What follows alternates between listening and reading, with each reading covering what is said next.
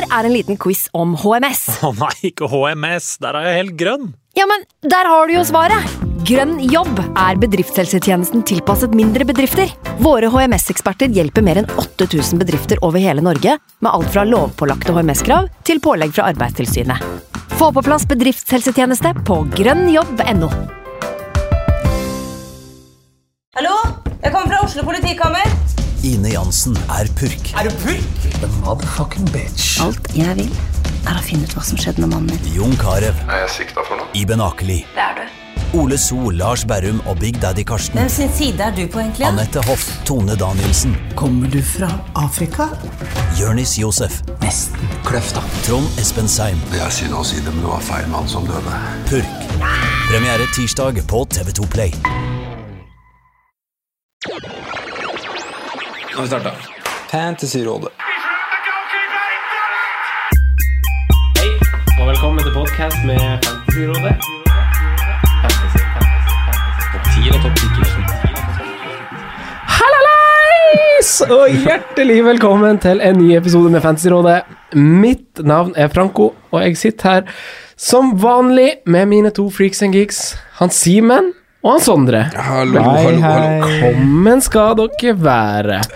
Takk. Triangelet er samla I studio. i studio for første gang siden mai. Godt. Godt er det. Godt, godt. Tror lytterne våre er, det er greit. det er så lenge siden vi har vært her, ja. Ja, det er det faktisk. Eh, Vi har jo, jeg var jo på telefon forrige gang. Eh, Det hørtes jo ut som jeg var en helt annen plass. men eh, men jeg håper jo folk dro nytte av det likevel. Så viktig var det for meg å være med at jeg måtte bare, måtte bare være på telefonen. ja. Det er vel første gang du har ledet programmet uten å være til stede? Ja, det føltes veldig kunstig. Jeg la merke til at jeg, jeg gjorde på en måte Jeg gjorde, la på en måte forberedelsene dit hen at jeg skulle gi mer ord til dere enn vanlig, så jeg sparte meg fra å si en del av det jeg hadde notert. da. Så det, jeg følte meg litt sånn der uh, begrensa der jeg satt Ja. på gjesterommet oppe på Finnsnes og, og, og kosa. Men uh, artig er det jo uansett. Ja da, kom oss gjennom det òg. Eh, vi er jo eh, i gang. Premier League er i gang. Eh, noen syns det har gått fort, noen syns det har gått litt sakte, men eh, spillet har jo vært åpent ganske lenge. Én gameweek som snitta på 65 poeng, var average-scoren. 4500 spillere valgte å triple-cappe Rashford i første runde. Enda flere valgte å triple-cappe Sala og Kane. Eh, så man skal senke skuldrene nå og ikke være for nedpå for at gameweek-ranken deres er litt lav. Vit at det er mange som har gjort litt sprell, det er mange som har vært litt heldige. Så senk skuldrene, ta et pust i bakken, hør på oss, eh, tenk sjøl, og så skal vi prøve å finne ut litt smart, for vi har jo ganske masse å snakke om i dag, egentlig. Fått inn masse spørsmål på, på Twitter og Facebook og Ja. Det som er. Ja. Ja. Men uh, når det gjelder oss for det året her, så har jo faktisk vi en del spalter som blir for ny. Uh, som blir ny av året. Uh, vi skal blant annet ha en sånn synstestspalte som vi kommer til å ha ganske tidlig i episoden, hvor vi snakker om eh, spillere vi har sett oss ut, som kanskje ikke alltid utnevner seg på stats og sånn, men som ser veldig friske ut. Der, der burde vi få med oss Specsavers eller et eller annet sånt til å sponse spalten. ja, godt poeng, godt poeng. Så hvis noen jobber der, så er det vel ikke bare å ringe inn og så få det. ordna det. For det, det er jo midt i blinken. Ja. Ukens Specsavers. Ja. det er brilleland, eller det er masse sånne forskjellige brillevarianter, er det ikke? Ja, det er jo noen briller. Krog optikk og Har du en favoritt? Du, du er eneste ja, brillebruker i gjengen. Nei, jeg har egentlig ikke en favoritt uh, sånn sett. Uh, jeg, er ganske, jeg har ikke brukt briller så lenge. Brukt ca. et år. jeg. Ja. Det er bare handla på Specsavers. Ja. uh, ja. eh, det er en i spalte i synstesten som noen gang vil bli supplert av et statshjørne som Sondre kommer til å integrere. Uh, og så har vi eh, en hver måned så kommer vi til å ha eh, der hver av oss plukker ut måneds spiller for den kommende måneden, så 26 eller i slutten av august kommer vi til å spille inn en episode hvor vi hver av oss velger en spiller eller to på ulikt grunnlag som, eh, som vi mener er månedens spiller for september, som vi har tro på. Eh, om det er en Sala-type spiller, eller om det er en billig type spiller som, eh, som vi tror kan være en fin løsning. Så Lever, ja. ja, man kan begrunne det litt sjøl. Ja, Der kan jo form og feature spille en stor, del, eller en stor rolle. Da. Det er ikke nødvendigvis at det blir en Nei, nei, nei. nei. premium-spiller. Grunnlegge bruke som man vil, Mm. si. Eh, var det noe mer? Jeg glemte noe spilte. Vi skal fortsatt ha på perrongen, vi skal fortsatt ha forsvareren vår. Mm. Eh, Så er det det rundens lag, da, som er nytt. og rundens lag, ja. Ja. Viktig å nevne. Det posta vi på, på, face, nei, på Instagram. Instagram. Og der må vi ha et mål om å slå average, Average. ganske Ja. greit. Sånn som første runde, så nevner du noen faktorer som gjør at average er ganske høyt denne gangen, og som gjør det vanskelig denne runden, men vi må ja, nesten legge oss Vi på liste. en list. average og- med 11 poeng nå. ja, jeg syns vi skal legge oss på en list på rundt 20, at vi må måle der. 20 poeng over, over average. average. Ja. for det vi gjør, er at vi eh, lager bare et lag for Det er rundens best beste lag ja, runden, rett til, slett. Ja. til det budsjettet vi har på, Ja. på vår uh, rådekonto. Da. Ja. Ja. Det blir mye hits da på det laget der. Det kan Ja. fort bli eh, dårlig overall rank. Ja, det blir syltynn. Uh, en preseason er lagt bak oss, og vi er jo offisielt i gang. Uh, det var i siste uka der hvor det ble lagt bak eh, masse tanker, masse skribleri og, og masse kverning. Eh, fortell meg og, og lyttere strategien deres for åpning av dilemmaet dere satt med på tampen, og, og avslutt gjerne med hvordan eh, runden gikk. Hvordan gikk åpninga? Så jeg vil gjerne at dere utdyper med tanker hva dere har tenkt i prosessen. Simen, kan ikke du Jo. starte ballet? Jo, ehm, det jeg på en måte fokuserte på når jeg endte med de, med de 15 jeg endte med, da, var på en måte å finne her en stamme som kan stå en 6-7-8 gameweeks nesten av seg selv, da.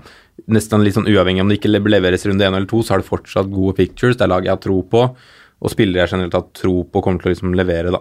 Så jeg har liksom plukka litt fra, fra Liverpool, selvsagt, og så har jeg plukka en Stirling, og så har jeg plukka da to fra Everton. Så kanskje er det kanskje noe av det usikre kortet, kanskje spesielt den offensive der, eh, som er dyr, men eh, også fordi at ficturesa ser så bra ut. Det var også en av de første jeg plukka når spillet åpna, så det liksom var surt å ta bort han, da. Eh, så det endte med Gylfi Sigurdsson, eh, som jeg, han jeg refererer til, da. Eh, så var det rett før deadline, eller en uke før, så hadde jeg egentlig stått med draft ganske lenge som jeg var ganske fornøyd med, sånn egentlig. Det var en 4-4-2. Men du hadde to ulike varianter. Ja, det var en 4-4-2 som jeg gikk bort fra. Jamie Barley gikk jeg bort fra, for jeg syntes det var for mye å ha fire egg da i Leicester og Bournemouth. Mm. Og da endte jeg faktisk med Jamie Vardy ut, som jeg egentlig har vært ganske sikker på at jeg skal ha. Ja. Uh, og da til fordel for Gylfi tilbake, da, på, på laget. Så jeg endte med en 4-5-1, faktisk. Eh, noe som kan vise seg å være feil hvis Kane og Aubameyang skal fortsette de, etter den gode Gameweek 1-runden, men eh, det får man egentlig bare vente og se. Så jeg endte med en 4-5-1. Eh, egentlig ganske templet hele veien. Eh, den eneste jokeren er vel kanskje Montoya Ja. og keeper eh, Henderson. Eh, Henderson valgte to minutter før deadline. Du gjorde det, det var det siste du gjorde. Ja. Ja. Eh, En samtale med Sondre, faktisk. Vi var veldig usikre begge to om vi skulle gå Pope eller Henderson. Mm. Uh, og jeg hadde egentlig Si at jeg sa var 50-50-45, da. Fordel Henderson av meg sjøl, og så sa Sondre også at han kom til å gå Henderson, så da ble, ble det Henderson, Ja. rett og slett. Så mm, jeg er egentlig ganske fornøyd med laget, selv om jeg fikk eh, litt lavere enn mange andre. Jeg ligger på 79 poeng, syns det er helt greit. Føler laget er ganske trygt. Uh, fram mot neste gameweek og egentlig runden etter der. Tror jeg skal spare og gjøre noe bytter til neste runde. Føler meg liksom ganske trygg på det vi har valgt, så, så jeg er egentlig ganske fornøyd, altså. Jeg må si det. Ja. Med de. Ja, fint det. Uh, det er jo litt artig, for du har jo litt annerledes tilnærming enn oss med én spiss. Ja. Så der skiller vi jo litt ut, så Og det Ja, nei, det er spenstig. Sondre, vil du, eh, vil du dele med oss? Ja. Ja. Det Utgangspunktet mitt, eller strategien, er jo mye av det samme som Simen eh, Simen er inne på her. Da. Jeg vil også ha en, en stamme som jeg, som jeg kan stå med en stund. Eh, spillere som har gode fictures over en lengre periode nå. og ikke ikke sette meg i en posisjon hvor jeg måtte være avhengig av å ta et tidlig wildcard, da, som er mye snakk om. Skjer det, så skjer det. Eh, men jeg ville ha, ha spillere i alle ledd som gjør meg fleksibel til å, til å bytte videre, f.eks. i toppleddet, da, hvor jeg har gått en, en litt dyrere variant enn det Simen eh, snakker om. Eh, for, som gjør det enklere da, for å komme på Kane og, Kane og Auba. Eh, mye har egentlig vært satt, satt gjennom sommeren. Eh, og inn mot siste uka så hadde jeg landa det at jeg, jeg skulle ha van Dijk, eh, Trent Digne pluss en 4-0-forsvarer. Eh, jeg var sikker på at jeg skulle ha Salah Stirling, eh, og i tillegg til det så var Vardi og Wilson også ganske spikra i laget. Og det har det vært så å si gjennom hele, hele sommeren, da. Og det gjorde igjen da at jeg var Det sto liksom mellom å spille en 4-4-2-formasjon eller en 4-3-3. Endte med en tropp som, som legger opp til å spille 4-3-3. Jeg har to 4-5-forsvarere på, på midtbanen. Så har jeg da tre spillende, spillende spisser. Mm. Så jeg legger nok jeg legger litt mer penger foran da enn hva, jeg, hva man kanskje Eller jeg har sett i andre lag, og hva, enn hva du gjør, Simen. Uh, siste vurderingene hos meg var egentlig Det var keeperplassen, som uh, ble avgjort helt mot slutten. Uh, sto, det sto egentlig Det har stått mellom Ryan, Pope og Henderson. Mm. Hele, Ingen av dere som har vurdert heaten? Nei. nei. Har ikke det, egentlig. Ja, egentlig ikke, nei. nei. nei samme. men ja, det sto mellom de tre. Mm. Ryan ble uaktuell av uh, den grunn at jeg faktisk ender på en annen Burley, nei, Brighton-defensiv. Ja, det glemte jeg faktisk å nevne. Ja. Det gjelder samme for meg. Uh, uh, Pope Jeg syns kampene innledningsvis var litt tøffe. Pope, en keeper som har en skadehistorikk de siste to åra, som er var, Han har vært mye ute med skade. Mm. man har liksom ikke sett han stå ordentlig i mål de siste to sesongene. Uh, og da liksom med legger inn det, da, så blei det ble fordel Henderson. Uh, håper på en liten boost. Sheffield nyopprykka lag i starten, han kan få mange redningspoeng. Uh, og nå to fine kamper i de kommende gameweeks. Tror ikke det er mye som kommer til å skille det. og det er det sjelden til keeper, men det er bare det å treffe riktig 4-5-keeper i riktig periode, da. Mm. Så nå første runde så er jo det en liten differanse der, Pope versus Henderson, men så får man bare se åssen det, mm. det, kan jevne seg ut utover. Uh, men da var det tre spotter i tillegg til det som var åpne. Det var den siste forsvarsplassen, det var midtbanespotten ved siden av Sala Stirling, og det var den siste spissplassen. Eh, Peres hadde vært inne så å si hele, hele, sommeren, så jeg var ganske bestemt på at han, han ville jeg ha. Jeg var litt lunken på å bytte han ut, uh, og det gjorde da at jeg sto med 11 millioner da, til å disponere på de to siste plassene. Mm forsvar, spiss. Uh, så Yota var jo da den som kanskje spilte seg inn på laget siste uka. Mm. Eh, basert på det han leverte i fjor, eh, vår, vårsesongen som var veldig god, og da når i tillegg han har vært frisk i preseason og leverer godt nå i de europakampene Wolves hadde forrige uke, så var det egentlig torsdagen hvor han på en måte Ja, nå, nå spilte han seg inn, han skal starte i laget. Mm. Eh, og da blei vurderinga Peres midten til 6-5. Da betyr det fire-fem-forsvaret bak. Shinsjenko må vike. Eh, eller så Shinsjenko skal stå, men da må jeg ha en 5-5 på midten i den mm. Peres-rollen. Eh, 5-5 midtbanespillerne syns jeg var vanskelig å finne en sånn enabler som jeg virkelig hadde trua på. Jeg hadde Colum Robinson var, var, kanskje den som var først på lista, eh, men fikk ikke den sykt gode magefølelsen på det. Eh, og andre jeg hadde inne der, var faktisk Mac, eh, McGinn. Yeah. Men uh, det var heller ikke noe jeg følte var, var noe jeg ville satse på, da. Så da McGinn er 5-5 eller 5 blank? Han er 5-5. Han er 5-5. Ja. Så da valgte jeg rett og slett å nedgradere Shinsjenko til en 4-5-forsvarer. Samme som Simen har, Montoya. Uh, og da kunne ha både Peres og Yota, da. Mm. Uh, offensivt. For frem til Yota spilte seg inn, så var det jo Lokadia som hadde den plassen i laget mitt. Da mm. var det både Peres og Shinshenko og så Lokadia som enabler på topp. Mm. Men uh, ja. 79 poeng her også. En, en helt, helt grei start, og står godt, står godt i eller står godt til neste runde, eller til mm. neste runde. Så det at jeg gikk Montoya, gjorde at jeg spilte Rico da, i første, første runde.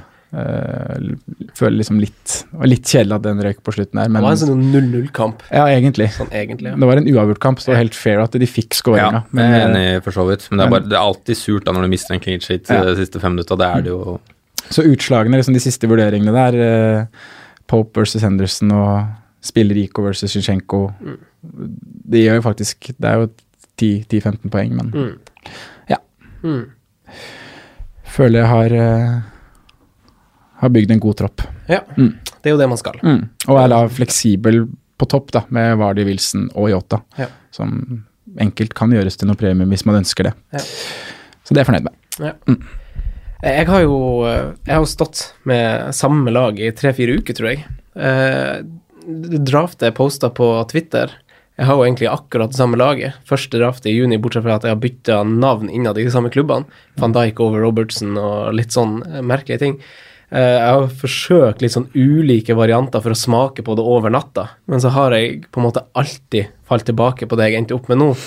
Eh, og jeg har jo som en sånn grunnleggende fundament er jo det vi har snakka litt om i preseason-episodene i, i laget mitt, er jo balanse. Jeg syns det er det viktigste av alt. Altså for meg syns jeg det er det viktigste. og Uh, og da, Av den grunn så kommer jeg alltid til å spille 3-4-3 eller 4-3-3. Uh, nå og i tillegg liksom ha den her exit-strategitanken. Nå kan jeg uh, kan hoppe på hvem som helst nå, har jeg sett. Hvem som helst på to gratisbytter i neste runde. uansett hvem jeg vil ha. Vil ha Harry Kane? Greit, da shipper jeg ut Vardy Wilson, får inn en billigspiss og Harry Kane. Det går helt fint, det. Uh, så det har vært litt sånn opptatt for meg. eh, Jeg har vært litt opptatt av å få det til, og jeg har egentlig hatt et sånn derre firerundersperspektiv, litt sånn som Simen innleder med, at jeg hadde, hadde sett litt sånn framover, men kanskje bare fire runder, men samtidig liksom torunders. Derfor valgte jeg han Callum Robinson, egentlig, fordi at nå har han Crystal Palace hjemme, eh, som har, er uten midtforsvar, ikke sant, og han spiller midtspiss. Mm. Eh, man antar kanskje at Sheffield United vil prøve å vinne. Altså bare litt sånn litt sånne ting, prøve å se på to runder for å, for å ikke gjøre bytte etter to runder, da. Og, og siste dilemma jeg hadde, traff meg jo på Jeg, jeg har jo lyst til å være ferdig med laget mitt dagen før dagen, for å ikke gjøre de panikkbyttene, og du leser på Twitter input, du får input her og der, og så blir det sånn Oi, kanskje jeg må ha han. Har han så, Så jeg prøvde liksom å styre unna det, og siste dilemma jeg hadde, var faktisk om han Ayose skulle inn på midten. Mm. Og da måtte jeg ha nedgradert bak. Eh, og, og det var først og fremst fordi at jeg har egentlig lyst til å flytte enda en million lenger fram i banen enn hva jeg har nå, egentlig. Eh, men med Vardi på topp så følte jeg at det blir litt mye når Leicester møtte Wolverhampton og Chelsea, som begge er jo i topp fem av defensive underliggende Mm. stats fra fjoråret. Så det, det føltes, å ha, ha, føltes som å ha litt, litt mye inn der, da. Eh, så jeg har egentlig fulgt prinsippene fra, fra egentlig notatene mine, og med litt sånn modifikasjoner. og Ikke ha nye spillere, men man må bruke litt sunn fornuft og litt skjønn òg, føler jeg, med det. Altså, vi var jo på Sala den gang han han var ny i Liverpool. Han kom ganske tidlig i vinduet. Man så at han kom til å spille. Altså Man må bruke litt sånn sunn fornuft, så ser man det. Og nå var det litt sånn Robinson med mindre. Han koster 5-5. Eh, Jeg har sett i preseason at han har vært deres beste angrepsspiller eh, sammen med McGoldrick, så det var liksom bare eh, Ja, greit, han skal egentlig bare holde plassen. Så jeg føler faktisk med de som liksom valgte Trossard, som jeg kanskje egentlig trodde det samme om. Mm. Eh, så, så virkeligheten har jo ofte litt sånn uventede kort på handa, føler jeg. Liksom. Trossard var faktisk inne i dagen før hos, hos meg, i en Ja, sånn, eh, hvor jeg prøvde å flytte litt midler sjøl. Ja. Men så ble jeg ikke da komfortabel da, med at han skulle sitte på, på sisteplassen, for jeg fant ikke en annen 6,5, Mm. Ja. så jeg satte da en halv, halv million inn i, ba, i, i banken. da. Mm. Men uh, Det er litt overraskende, men det kan vi ta etterpå. Ja, vi skal, vi skal litt inn på det. Eh, Jeg var jo aldri i tvil på På det defensive så har jeg stått med samme firer egentlig hele veien. Det er jo Zinchenko og to Liverpool og, og Digne. Jeg var litt i tvil på Digne, for jeg, han, å betale seks for en Everton-forsvarer syns jeg er mye. Eh, jeg, altså Når de har mista Ghana, de har mista Kurtzuma, så blir jeg liksom ikke overraska dersom til tross et litt fint program at han står med to clean sheets og bare ett målpoeng etter seks kamper, på en måte. Eh, jeg føler at han fort kan være kan holde oss litt for narr, da. Men Mm. jeg syns det er viktig å starte med han, og han gjorde jo en god første kamp. Han ble vel BB også i første kampen før, eh, før Everton, eller i, den, i det oppgjøret generelt. Og aldri i tvil på City defensiv. Det ville vært jeg jeg skrev Det finnes jo ikke bananskall og, og dårlig program for City. Det, så det er tilfeldighet og uflaks det oppstår, og så noen ganger sprekker en clean sheet, men eh, Det, det finnes bananskall. Andrew Stonson har vist jo det i fjor, at det finnes bananskall. Men, ja, ja, men, det, men det er nok det laget som får flest Vi kaller det for clean sheet, uflaks eh, for ja. City. jeg. Eller flaks for Townsend. ja, ja, det blir jo det samme. Men ja, så, så jeg lander vel på 89 poeng. Eh, Det som skiller oss, er vel eh, keeperplassen, for der har jeg Ryan i mål. Ja. Eh, jeg syns jo isolert sett at Montoya er jo en masse bedre defensivt valg, eh, Mm. fordi han så så offensiv ut som han gjorde både i preseason og nå. Eh, men Ja, det er vel keeper og, og Sinchenko som skiller oss, vel? ja, Har ikke du heller Zinchenko? Nei. Oh, ja. Har du ingen City defensiv, du heller? Nei. Nei. Står med én City-spot, vi. Ja. Ja. Det er litt rart. Ja. Ja, det er- men, Men det endte bare der. men, men jeg, jo, jeg ender jo der fordi at jeg, jeg ser ikke den offensive verdien til Zinchenko, og jeg tror de gangene han får return, så er det seks poeng, da. Ja. Um, Det her snakka vi om før vi trykte rec, og der, er- der, vi må vi kanskje, der har vi kanskje bare ulike meninger. Ja. Fordi eh, jeg er jo well aware of det, at det blir lite, lite målpoeng på han. Men altså, jeg syns det er trygge seksere. Det er trygge seksere, Ja, det er det. og den tar jeg. Ja. Eh, jeg liker tanken av det. mm. Det er Jeg bare- var litt der at det, det er som du sier, det er trygge seksere, men i, jeg snakka kanskje meg selv litt innpå og droppa han i topp seks-poden vår når vi så på programmet til City her innledningsvis. da. Mm. Det syns det var Jeg trodde kanskje at Westham skulle klare å skåre et mål. Ja, og nå. Spurs i runde to. Der kan alt skje, og så er det en eh, bortekamp mot Bournemouth i runde tre. Mm. Jeg tenkte plutselig at det er, plutselig så sitter de med én clean shit på de kampene, da. Og da, da, da er jo ikke han til 5-5 noe, Mm. eh, noe farlig å gå uten. Ja, det der, er- det der er sånn jeg uenig med deg. Jeg tror ikke motstand har noe å si. Jeg tror Nei, men vi vet jo det hele tiden. Motstand ikke har noe å si. Det er ikke noe Det har vi fått svar på. Men, men det offensive der, da, der er jo Simen inne på noe. Fordi når man så Han var god defensiv, han var trygg, men uh, han er jo nesten ikke Han er jo ikke høyere enn 30 meter, holdt jeg på å si. På, på, eller Han er ikke på siste tredjedel Nei. offensivt. Han går mer inn i banen. Mm. Eh, Hvis du Og Vi nevnte vel også i preseason på når vi var på City defensiv, da, at, at hvis det var noen som undervurderte i, i det forsvaret der i, i fjor, da, så var det Kyle Walker. Og han svarer jo Underpresterte. Ja, underpresterte, ja. Eh, og han svarer jo med å ha fått konkurranse og leverer en ganske god match. Og det, den assisten han gjør der, det er voldsomt, det tempoet han drar opp der, altså. Ja, det var helt vanvittig å se på. Han starta jo litt sånn shady. Masse litt sånne rare balltap, men så ut av det blå så kom det og fra da så var det smooth sailing. Jeg har ikke tallet oppe foran meg nå, men han har jo hadde veldig lite målpoeng i fjor i forhold til det han hadde Mm. to år, tre åra før der. Men han kanskje snitter på en fem-seks målpoeng i løpet av sesongen, da. Og det er vel kanskje der han forventes å ligge, ligge kanskje. Mm. Ja, for vi syns jo han fikk litt underbetalt. Vi sjekka jo tallene i den samme episoden som du refererer til, at han var en av de som mot slutten av sesongen var den forsvareren som hadde mest touch i boks og er liksom i de riktige sonene. Så om det er hans egen feil, eller om han er liksom på feil sted til feil tid, er sånn vanskelig å si, men det var, var liksom bare siste finishen som mangla, så det er ikke overraskende at han leverer en assist. Jeg føler det er mer naturlig at eh, kanskje Kyle Walker ender på en rundt fem-seks målpoeng, og kanskje en Laporte ender på ett eller to i løpet av sesongen, Ja. hvis du tenker sånn. Absolutt. Uh, Det er ikke store forskjeller i lagene våre, da, Franco. Nei, Det er Robinson tradisjon tro. tradisjon, tro. Mm. Vi klarte å ha to tre ulike, da. Tre ulike og benken. Ja. Tror jeg kanskje er litt ulik. Mm. Ja. Eh, I forrige uke eh, så, så ble jo jeg litt hissig på han Simen. Eh, på grunn av hans påståelighet over at Mané skulle starte, starte første serierunde. Uh, det Jeg regnet med det kom i dag. Ja, Ja. det, det trodde, ja, ja, klart det. Det trodde ikke jeg. Uh, men det her, Sondre, har du også Jeg vet ikke om det var i samme episode eller om det var episoden før, hvor du Nei, også Preseason på den, så er jeg Ja. ganske klar på det, Ja. at Mané kommer jo ikke til Men da var også starte. Simen veldig sikker. Så spørsmålet mitt, Simen, er kan vi stole på deg når, når det gjelder Liverpool-tips? Nei, nei, nei, det kan, kan man absolutt ikke gjøre. Og, og man kan ikke stole på meg egentlig på noen ting. Eh, Men, eh, men jeg prøver jo Stakkars Marte. Men man prøver jo alltid å, å melde det man, eh, det man tror, da, det man er føler seg sikker på og trygg på. Det må man gjøre, for det hadde vært veldig kjedelig om vi skulle sitte her i en podkast og ikke melde, melde ting, da. Da. Da er det ikke noe poeng i å egentlig sitte her. Nei. Nei, si sånn. Men eh, jeg var veldig overraska, jeg si det. Ja. Eh, egentlig litt skuffa at den hele tatt er i tropp hvis den ikke starter. Ser ikke poenget med det, for da er det jo ikke om å, om å hvile den. Da er det jo om å spille den klar igjen. Men tror du han Babel får fornya Babel? tror du han Cissé får fornya tillit? Han, tror du han Origi får fornya tillit? Babel. Det er liksom vanskelig å si da, det er to kamper på både onsdag og lørdag nå. Eh, Jeg tipper de får Hvis du deler opp på 180 minutter, da, kanskje 180 minutter, nei, 90 minutter hver cirka. Eh, Så er det sånn usikker hvem som får hvem. Mm. mm, det er vanskelig å, vanskelig å si. Eh, Jeg tror også det blir noen endringer på andre steder i laget, men jeg tror kanskje det først og fremst handler om de tre på midten. Ja. At Nabi Keita antageligvis starter nå i, nå i midtuka, og så mm, kanskje en Oxlade Chamberlain. Mm. Mané starter til helga, vet du. ja, om man ikke får supercupkampen, da. Mm. Uh, som jeg, jeg, jeg tror Liverpool er ganske gira på å ta den. Ta det vil ha. Kall det trofé, eller hva du vil, men jeg mener det er trofé, da. Så. Ja, det er det jo. Eh, Sondre, Ja. hva mer eh, skal vi dra lyttere og oss sjøl igjennom i studio i dag under innspillinga vår? prøve ny eh, spalte, vel. Ja. Synsundersøkelse.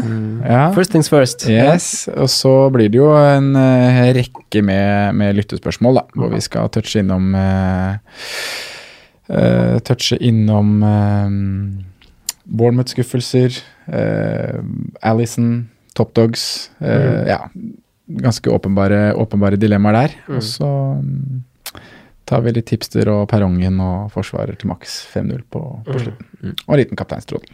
Ja. Mm. Eh, ja. Den såkalte synstestspalten. Eh, vi har ikke vært noe nevneverdig kreative med akkurat det navnet, her, selv om vi forsøkte her innledningsvis å kanskje omdøpe den. Men uh, det handler om Det er jo direkte oversatt av det såkalte iTest, som mange engelske podkaster og sånn bedriver. Eh, dra fram en spiller som dere mener besto den såkalte synstesten foregående runde, altså nå i helga. Eh, Simen, har du et navn eller to å droppe her? Mm.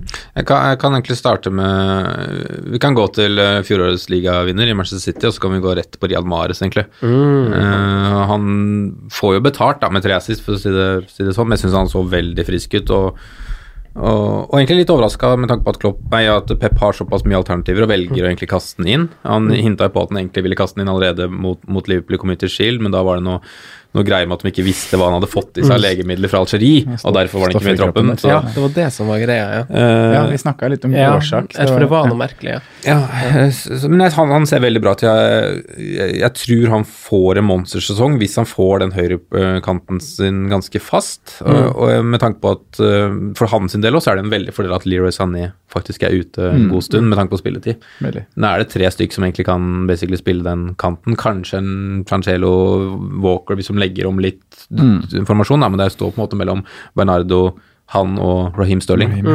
Så, nei, han syns jeg var veldig pigg. Han er, han er jo vanvittig god med ball og en god dribler, så Er det litt sånn eh, Sånn som han, han Pep integrerte jo han Bernardo veldig rolig første er sesongen. jeg har litt feeling Og er det litt sånn samme med Mares nå? At han eh, ble brukt litt forsiktig første sesongen? Så så vi jo det glimtvis i fjor òg, selv om han kanskje ikke fikk så mye tillit som han hadde håpa, men han hadde jo noen perioder hvor han var bare helt fenomenal, og noen av de skåringene hans òg er jo helt, helt der oppe. 8-5. 8-5, 8-5, jeg synes det er veldig god value. Det er altså, mm, veldig. det er fire mil Ja, tre og en halv er mindre enn eh, Raheem. Så Nei, her tror jeg fort vi kan ha en, eh, en spiller som får en monstersesong, da. Mm. Enig. Har du flere navn på blokka, eller hopper vi rett til han Sondre nå? Vi kan jo ta litt sånn annenhver en, så du kan fyre med en, du, du Ja, Sondre. eh, da kan jeg gå til et lag i andre enden av tabellen, kanskje. da. Uh, Norwich. Eh, Jeg skal ikke snakke opp eh, de som lag noe mer, for de har virkelig blitt hylla på, hylla på diverse sosiale medier etter en historisk naiv inngang til en, eh, til en Premier League-åpning på Anfield. Ja. Det er selvfølgelig tøft at de, tøft at de prøver, men ja. Det var veldig naivt, da. Men offensivt så viste de jo tendenser til noe som kan bli, kan bli veldig spennende, og da spesielt med Pukki, da, som har vært en snakkis i forkant av sesongen også. Eh, smarte bevegelser, gode løp, eh, og får, er også klinisk da han får, eh, får den store sjansen sin alene med, alene med keeper. Og jeg syns Norwich som, som lag også, de, Buendia, de to sammen, virka som det var en veldig god eh, hadde en god kjemi, da. Så Pukki til 6-5 uh, syns jeg så, så veldig, veldig spennende ut. Også hvis du komplementerer med stats, da, så er han også Det er ikke mange spisser som spiller på et uh, såpass mye svakere lag uh, som kommer til tre skudd i boks på Anfield. Uh, så det var imponerende. Og så har du jo har du også den derre Han legger igjen på, på Stipemann i første omgang Ja. der, som også er veldig Ja. fin i- involvering. Kombinasjonsspillet var bra. For han slår igjen til ham begge gangene til Stipemann. Mm. Ja, det var det vel. Det var det. Ja. Ja. Og så er det som du sier, da, bevegelsene her. altså Det er jo noe, noe Insagi-ish over de der eh, bevegelsesmønstrene der. Det er, jeg syns det var nydelig å se på. Timo Pukki. Det, bare ta Norwich eh, når vi først er inne på det. Jeg er, det så veldig bra ut, og de får jo mye rom når de først klarer å spille av det første pressleddet til Liverpool på fredag. Jeg er spent på hvordan det her blir når de møter lag som legger seg dypt. Hvordan de da kommer til å klare å utnytte, eller spille seg gjennom. Når de møter Burnley, Palace, Southampton. Newcastle i neste kamp, da. Newcastle i neste kamp, f.eks., som, som kommer til å ha en helt eh, Som kommer til å legge seg lavt. Blir spennende å se. Jeg tror vi får litt mer svar på kanskje hva Norwich er, når de møter et lag som på en måte er, er nedi der med dem. Eh, om de klarer å bryte ned, som du sier. da. Men så, så føler jeg også at de har litt riktige typer til å kunne gjøre det. Ja. Altså Du har to fremadstormende bekker som kan være med å tilby. Du har en Emi Buendia som også så veldig pigg ut, som du nevner. veldig bra. Så, ja. Jeg føler bare at det er altså At det her er Vi nevnte i chatten at historien gjentar seg med, med akkurat det. Vi har sett det mange ganger før, et lag som sjarmerer veldig mye i første, andre, tredje runde. Og, Tenker på Blackpool, tro, ja, eksempel trofast til prinsipper, og så, og så feller de også imellom når de møter kjøtt, sånn De som de Burnley, skal de, møter ja. antatt bedre lag som gjør det samme, sånn som Westham, Bournemouth, så blir det liksom hakket for små allikevel, da. Mm. Eh, og så blir det, blir det rett og slett litt Men mot Newcastle hjemme nå, sett bort ifra det, så er det jo ganske tøft Ja. program Ja, for det er Norwich. det. Så, så det er det litt sånn man er litt forsiktig med å hoppe på han, selv om han så frisk ut i den ene kampen, kanskje. De er nok litt avhengig av, av å få et resultat ut av den Newcastle-kampen, som du sier, med tanke på, tanke på hva de møter etterpå. Og i hvert fall hvis de skal ha lik, fram, eller lik tilnærming mot alle storlag, så tror ikke jeg det blir mye, mye poeng, da. For det handler litt om å være, være kynisk også, da, når det kommer dit. Så. Men- Neste spiller på lista, da, Simen? Gylfi. Ja. Sigurdsson. Uh, det, det tilfredsstilte meg litt da, at når du først har valgt noe om Lanker, at han er nære på. Og eh, hvis man ser høydepunkter, så er det på en måte Everton som har ganske mye av den kampen mot Crystal Palace. Litt synd at de kanskje får en rødt, et rødt kort på slutten, hvor de må da også ta, ta ut Gylfi, men mister kanskje det momentumet de var litt inne på, på å skaffe seg. da. Han øh, har en cornervariant som Richarlison får et øh, brukbar avslutning på, eh, og to skudd som ser ja, relativt farlig ut. Den høyeste var vel på 0 var det 0,15 eller noe sånt på, på expected goals, så det var ikke sånn veldig høyt hvis man ser på tallene i tillegg, men jeg syns egentlig de to sjansene var ganske decent, det. Sånn uh, ut fra hvordan jeg tolker en sannsynlighet for å score. da. Uh, Sondre, har du flere? Eh, kan føye til én til, da. Eh, det er jo kanskje litt uh, ironisk når laget hans taper 5-0 og han spiller spiss, men eh, jeg syns Sebastian Haller var, uh, var gøy å se på. Han Sterk, god til å holde på ball i oppspillsfasen. God også i kombinasjonsspillet. Klarte liksom å få oppspillet, ta ned kula, eh, rulle videre til spiller som kom i fart. da. Eh, fikk jo ikke sett så mye mer enn det, men jeg ser for meg at det kan bli veldig bra når han kommer seg også inn i boksen da, og blir fora der inne. Uh, men er veldig god i det hold-up-spillet. Enorm fysikk da Ja. på Haller. Han Men er, også ganske, for jeg har ikke sett, jeg har ikke sett særlig mye av han tidligere. Bare Jeg har ikke sett han en eneste gang. Nei, bare sett noen europagreier. Men eh, jeg syns han var overraskende god teknisk Ja. til å være så stor og sterk. Og så har han, det, det man på en måte har etterlyst òg, er jo at i Frankfurt så hadde han jo såpass mange andre som også tok, tok plass. da, som han liksom blir, Det er ikke bare at du må passe på Hallé, det er så mange andre du må passe på så at alle får rom. Med Jovic og Rebic og alle de der var jo Og det er jo litt sånn, det kan man jo også tenke litt i Westham, for Yes. du har en Andersson som så frisk ut innledningsvis. Jeg syns Lanzini også viste at han kan få en god sesong. Så kommer nok Fornals inn i det laget der Ja, etter hvert. Så det er andre spillere der som også må ta hensyn til, da. Og det gjør at han kan få, få bra med rom. Jeg har også troa egentlig på, på Haller med, utover. Mm. Eh, vi skal hoppe videre til dagens tema, for det er jo en del å snakke om. Først så tar vi oss en liten pause, fyller på litt kaffe, og så snakkes vi om litt.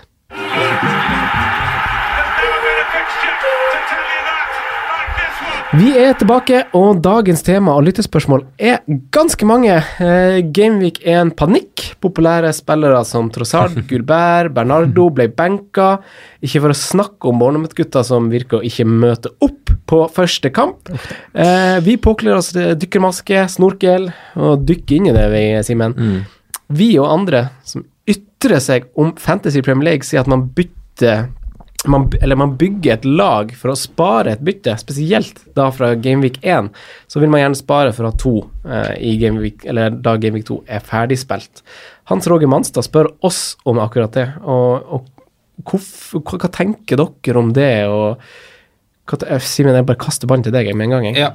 Uh, nei, jeg syns i hoved, hovedsak man skal, skal, man skal spare det byttet, og det er litt med, litt med det at eh, nå har vi, fått, nå har vi sett e lagene i aksjon én gang. Jeg syns det er litt tynt grunnlag å på en måte bestemme seg for at han eller han må på allerede. Eh, du har bygd et lag som på en måte skal stå ikke for sesongen, men det skal jo stå. Når du har valgt et lag til Game Week 1, så skal det jo stå. Men du har troa på de elleve du har valgt. Eh, samtidig så syns jeg det også er et poeng hvis du har to bytter til neste runde, så kan du gjøre et grep. Altså du kan endre formasjon. Mm. Jeg kan gå fra 4-5-1 til 4-4-2. Mm. Uh, du kan gå fra 4-3 til 4-4-2. Altså Mm. da har du mer handlingsrom, da. Uh, og da kan du også få Si at det er Frazier du skal bytte ut, da, teoretisk, Mm. neste, når han har sittet i neste runde. Så kan du gå Frazier uh, både opp til en 8-5 og så hente én mil et annet sted, f.eks. Mares, og så kan du hente en mil et annet sted. Ja. Så det er liksom det som egentlig er hoved... Ja, at du kan gratis bytte midler fra det ene leddet til et annet. Endre struktur. Ja, Mm. endre struktur. Mm. Uh, også, også litt med det at det er så lite, det er så lite grunnlag nå, da. Altså, jeg Ja, det, det, sånn tenker jeg er et viktig poeng. Ja. Ja, ja. Det er liksom Det er ikke sikkert Watford er ligaens dårligste lag, selv om de tapte 3-0 første runde. Altså, vi må Nei, de hadde færrest skudd mot seg mm. vi av alle lag Ja. runden som gikk. Så vi må jo liksom slappe av litt, og så Ja. la det synke, og så må vi ha litt tiltro til de vi faktisk har plukka ut. Ja. Eh, Men selvsagt, så Unnskyld for at jeg avbrøt deg, men hvis det har skjedd noe, si at du har alle sånn på laget, så er det ikke sånn at jeg mener at du skal, spare bytte. Da gjør du det byttet med en gang, og så får, får du det unna. Ja. ja, det er ikke sant. Det, jeg hadde jo tenkt å, å spørre om eh, For vi har fått et spørsmål som kan forlenges inn i samme tematikk. Eh, vi har snakka litt om at man har 38 gratis bytter, eller det blir, blir mindre, blir det 37 bytter? Ja, det blir Siden mindre òg, for det blir jo to wildcards. Ja, ja. Så det blir vel 35 da. Og, og da vi om at det er jo på en måte det mest verdifulle redskapet du har fra uke til uke, så du må bruke det fornuftig. Og du skal gjerne Du har 15 spillere å velge blant i troppen din, forhåpentligvis, så da skal det være ganske Altså, du må tenke litt på det byttet du velger å bruke, så i forlengelsen av det, Sondre, Mm. så spør jo han Alfred Askvik hvor dårlig stelt ting må være for at man faktisk skal bruke et bytte nå. For man kan jo ikke være for prinsipiell heller på å spare. Nei da, men jeg tenker jo i all hovedsak at det da må være skader. Mm. Eh, du sitter vel ja, dårlig stilt. Du har vel ikke valgt en tropp med spillere som ikke spiller. Det er jo ikke veldig mange overraskelser egentlig i lineups rundt omkring, da. Det er Trossard kanskje. Nei, det er kanskje Trossard som vi har snakka litt om. Uh, Villa uh, kjører kanskje flere uh, et lignende lag fjoråret enn hva man, mange kanskje trodde, da. Du har noen populære eller Gullberg på høyrebekken der som ikke er med fra start. Men Nei, klar, det er skader hovedsakelig. Ja. Lacassette, hvis ingen har fått med seg at han har på en måte vært skadefri. Det er noen, men det er ikke veldig mange, som du sier, da, Nei. som har vært ute av laget. Nei. Nei, jeg er egentlig enig. Det handler om å bruke litt sunn fornuft, tenker jeg. Ja. Eh, Jeg glemte forresten free hit, så det blir vel 34 bytter man faktisk har Ja. i løpet av en sesong. Det er jo verdt å nevne nå når du nevner det, for det spurte jo jeg deg om eh, i sin Natterstime i går. Hvor er det blitt av free hit? Jeg har ikke tenkt av at den var liksom Den er jo borte fra der de andre chipsene står. Så den kommer jo på samme måte inn sånn som wildcard gjør. At du må gjøre mye bytter, og så kan du har får et alternativ om å bruke free hit. Ja, Alternativet kommer opp når du på en måte Ja. confirmer et bytte, da. Ja. Eh, ingen spillere er jo must-haves, har vi uh, snakka om. Eh, men dersom det er noen som han absolutt bør ha, så lurer jo han Andreas Vassdal på om Støling og Sala er to stykk som bør være der oppe. Hva tenker du, Sondre? Kort og godt så tenker jeg vel egentlig at de bør være der, ja. Mm. Jeg står vel like bastant bak det utsagnet nå som det jeg har gjort i hele sommer. Mm. Eh, og med 32 poeng totalt på de to spillerne første runden, så svekka det jo ikke akkurat saken. Men du betaler mye for det, da. Ja. Men så er det jo igjen eh, Så er det jo igjen spillere du kommer til å kapteine. Mm. Så eh, Ja. Det er jo De svarer jo veldig godt for seg. da. Innad så har de fem målpoeng og en millimeter unna det er lett å si noe. men, men det er jo periode, ja, det er periodebasert. Ja, selvsagt. Og, og, og jeg tror vi får en mer eh, hva skal vi si, konkurransedyktig FPL i år, Ja. eh, med tanke på at Harry Kane hadde en dårlig sesong i fjor, syns jeg, i forhold til hva som måte er potensialet. Aubameyang hadde litt sånn rar sesong, som vi har vært inne på et par ganger. Hvis de to nå lever, melder seg på fast, og du fortsetter med Salah og Stirling, ja. så blir det ulike lag. For det er ingen som kommer til å klare å stable lag med de fire. Nei, det blir, Man kan stable med tre hvis man får de her billige Ja, men da tar du andre prioriteringer. Ja. Da får du ikke kanskje plass til Wilson eller Vardy eller altså Perez eller Frazier eller hvem det skulle være. Mm. Så det kan bli veldig kult da, hvis alle Litt- fire leverer, men du er ikke sikker på hvem som leverer best. Mm. Da kan det dette bli veldig gøy. Litt mer ulikt terreng i år, og det blir artig. Det blir artig. Ja. Jeg hatt en, eh, en sånn av og på-samtale med han Einar Tørnquist på Facebook. Eh, og vi har hatt en sånn felles forståelse av, av egentlig noe jeg prøvde å slå et slag for litt i forrige episode over telefon, men som jeg følte at jeg jeg, jeg var litt svak på. Eh, og, og det vår forståelse er at det her eh, maks to premiumsopplegget er bare vrøvl, egentlig. Eh, vi, er, vi er uenige med den påstanden, fordi eh, jeg eh, Altså, vi snakka litt om i forrige episode, vi tre, at takhøyden er ganske mye større hos toppdogsa. Sånn som Kane nå, hvis vi er tilbake sånn som vi virkelig kjenner han, Stirling De kan skåre tosifra uavhengig av Det her er ikke noen sånn motsigelse mot denne kapteinsrotasjonen som jeg syns er viktig, men, men det er med spillere som man i større grad kan stole på. Eh, mye av det Det er mange som gjør sånn to, to premium research som baseres veldig masse på sesongen, og så sitter man igjen i mai og så sier man at se hvor masse mer verdi det var i han, se hvor masse mer verdi det var i han, ikke sant, ingen toppspisser leverte sånn og sånn. Men så ser vi jo nå det, altså jeg synes det er ganske Altså, jeg er masse mindre overraska over at han Kane skårte to mål mot Aston Villa, enn at han Fraser ikke leverte for Bournemouth, f.eks. Ja, Eh, så så man, jeg syns det handler veldig masse om time Altså, se på kampprogrammet til de gutta her. Altså, selv om du vil kapteine han Sala, så kan han Stirling og han Kane få store summer mot lag, uavhengig av det, uansett. Og, og du ser jo sånn som han Einar Tørnquist som jeg snakka med om der, han fikk jo en kjempestor sum, for han gikk jo for, tre, han gikk jo for Kane, Sala og Stirling. Ja, de som har gjort det, har jo fått en kjempe, kjempegod start. Ja, ikke sant. Og nå er det Og når du prater om verdi også, så er det ganske mye verdi i en del billige spillere. Ja. For Hvis du tenker f.eks. med forsvarsspillere, da, så er den minste prisen du betaler, det er fire. Og det finnes mange forsvarsspillere ja, til, ja. til fire-fem, og de koster da deg laget ditt en halv million. Mm. Det er mye verdi i mange av de spillerne der kontra spillere som Ja. Ayose Perez kanskje, som hvis han skulle bli en Mm. Si at han blir seg en Ja. liten flopp nå, så koster han faktisk to. Altså og og en halv minus eh, fire og en halv, da. Så det, ja, du finner jo muligheter eh, andre steder også. Mm. Og, men det blir jo bare spennende å se. Det er jo, man velger et lag ut fra hva man har tro på, og hva de leverer. Jeg tror fortsatt Frazier kommer til å ha en god sesong. Ja, det var bare et litt sånn tilfeldig eksempel jeg Ja, og da må du Men, men Du det- må gamble litt mer de billigløsningene hvis du går tre Mm. top dogs, og det er vel det kanskje på en måte de som har ment at to er maks, da, Mm. kanskje har ment, da. Men fra start har det liksom vært enklere å ha to, to top dogs, og så kan man da ha de mellompris som er liksom er De har, de har bevist, da. Mm. Istedenfor å starte med enableren etter 5-5, så går man heller Fraser til 7-5, som har bevist tidligere at han at han uh, har nivået inne.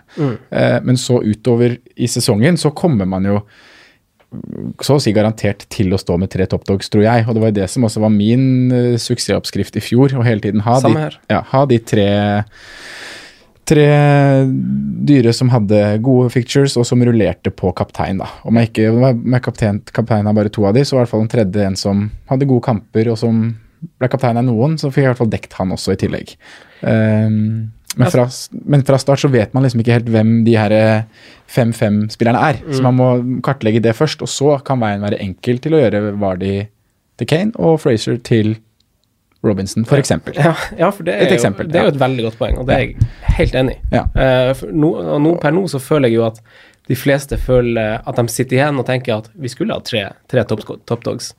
Og de fleste ser nok på en vei nå til å få han Kane inn til den Newcastle-heimekampen i Mm. Gameweek 3. Og så sitter man egentlig og vet ikke helt hvordan man skal få det til. Eh, så Nei, men da, da er det jo en fordel å ha, ha tenkt eh, litt på det når man har balans, eh, man har valgt balanse i laget, da. Men jeg ser jo på en måte mange, mange av de laga med, med Si at det har eh, en Stirling eh, Salah Kane, da. Så er det mange rare varianter som, som folk har fått betalt for nå, som kommer til å lage Ja, ja, ja. et problem for dem. Altså, tenk Divo Korigi, altså Ja, det er jo han er, jo, han er jo snart ferdig, verdien er snart borte, ikke sant? Og da må du begynne å røre med bytter. Er det da verdt å få 13 poeng kontra en 5 poeng på Callum Wilson nå, da, når du må begynne å røre med bytter og styre? Og Jeg er ikke så sikker på om det er verdi. Husk at det har gått én runde. Nei, det er derfor man Det er har det vært, det er derfor man har vært mer på at det har vært tryggere å gå for Colin Wilson Frazier kontra Origi Uh, Callum Robinson. Callum Robinson igjen. Men det er nettopp det som er eh, poenget til at jeg støtta to toppdogs fra start. Ja. Og så vil nok tre toppdogs være eh, kjapt Se litt på på, kampene, se Ja. litt når det passer seg. Se når uh, tre toppdogs, sånn som i, egentlig litt nå framover, uh, at når Tottenham, er ferdig med, med City, så, så er det jo tre topptog som har ganske fine kamper framover. Ja. Sala, Kane og Det er også litt, litt med greia at jeg ikke gidder å stresse så fælt med de, mange av de som har levert nå, da. Med tanke på Ja, kan dra fram kanskje United og, og Spurs da i neste runde. Mm. United skal Wolverham. Wolverhampton. Wolverhampton er jo litt tøff, men etter det- Molineux, Ja, sant? Jeg stresser ikke fælt med Rashford-Martial til den runden der. Altså det, det tar jeg veldig lugnt. Eh, Spurs skal til Etiad. Jeg stresser ikke så fælt med Harry Kane. Han kan fort score. Jeg tror fort Spurs scorer, men jeg stresser ikke med å få en Harry Kane. Nei, akkurat samme. Altså, vi har jo også sett på historikken City. Ingen er bedre å holde nuller mot topp seks-lag enn City. Så Men Vi er jo ikke over, vi kan jo ikke sitte her og være overraska at Kane skårer to mål mot Villa. Og Man kan ikke komme og si sånn 'Å nei, jeg skulle hatt han'. han Nei, nei, Alle visste at han kom til å skåre mot Villa, men det er heller det at det var Bournemouth skuffa oss. Uh, andre lag hvor man hadde valgt spillere, det var de som skuffa. At Kane kom til å skåre mot Villa. Selvfølgelig. ikke lyn fra klar klar himmel. Ikke fra klanhimmel engang. Nei. Nei. Uh, nei, den er, den er litt spennende. Ja. Det er en liten sånn, uh, liten sånn puzzle man får styre litt med nå, men er det verdt å, å begynne på minuskjør allerede for å få på Kane? Altså, nå avhenger det kanskje litt av den her Eriksen-situasjonen, for vi ser hvor masse bedre den blir med en gang han kommer inn på banen, om han ryker før vinduet stenger i de andre ligaene. men Altså, Er det verdt å begynne på minuskjør så tidlig i sesongen? Det er jo noe vi preacher veldig imot. Ja, jeg ville prøvd å holde meg unna, men som jeg nevnte litt i stad, så føler jeg på en måte neste runde er en større mulighet til å gjøre litt endringer på laget sitt. Altså Hvis du føler at Harry Kane absolutt må på neste runde, si at han også scorer mot City og ser virkelig on fire ut, da kan du bruke, hvis du har spart bytte nå, så kan du bruke tre bytter, og da kan du endre ganske drastisk i da strukturen på laget ditt. Og da får du heller gjøre et valg da om at det Ok, jeg bomma de to første rundene, jeg skulle eh, endra struktur, og så gjør du det. Mm. Men jeg vil jo selvsagt advart Altså det, det koster hits og det koster poeng, og det er jo tross alt mest mulig poeng vi skal samle opp til mai. Så prøv å holde det nede, ja. Godt oppsummert. Det var en del spillere og lag, ikke minst, som skuffa i åpninga. Kenneth Birkeli Johansen lurer på hvor svak Bournemouth egentlig var. Og, og legger man til Fraser, King og Wilson inn i, inn i ligninga her, Sondre, hva, hva gjør man, og hva så egentlig du fra Bournemouth? Bournemouth var, de var svake. Det var, eh, det var en kjedelig match. Eh, De var slurvete i det, det oppbyggende spillet. Eh, Fikk ikke til noe særlig kombinasjonsspill. Frazier, Wilson, King der. Og de fikk jo heller ikke noe rom rom å kontre i, da. Eh, Sheffield ga de jo litt av det, og de få mulighetene de hadde til, slurva de egentlig bort med dårlig pasningsspill, dårlig presisjon. Eh, så kan man jo snu på det og si at Sheffield, Sheffield gjorde det vanskelig, da. Hadde en, hadde en god kampplan, og ikke en like naiv kampplan som andre nyopprykka lag hadde. Eh, men det var kjedelig og kjedelig kamp, og men jeg mener jo at det er jo noe man må være litt Eller kanskje vi var litt forberedt på også. Og det var et av hovedargumentene mine for at jeg ikke ville legge 13-14 millioner inn i den offensive offensive kirsebærkurven der. For det, Bournemouth er jo et lag som varierer veldig. De kom på 16.-plass i fjor, var det? De, det vil variere. Um, Så er det et bikt, eh, oi, viktig, viktig moment her òg at de møter et nyopprykket lag, som alltid har mye guts i serierunde én. da. Altså, de gjør det vanskelig for det hele veien. Og, ja, de gjør det.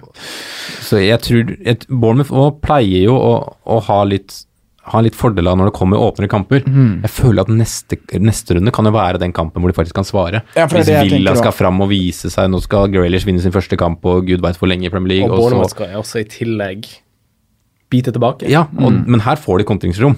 Altså, de kommer til å få plass på, på Villa Park. Nå har det skjedd mye i det Villa-laget, men man skal ikke glemme det at de, Villa var det laget som slapp inn nest flest mål på hjemmebane i fjor, i championship. De har oppgradert stallen sin, men det, det blir en åpen kamp, tror Jeg jeg. så jo hvordan det rakna mot slutten nå på, mot Ja. uh, Spurs. Det balltappet til Grealish der på 2-1 er stygt.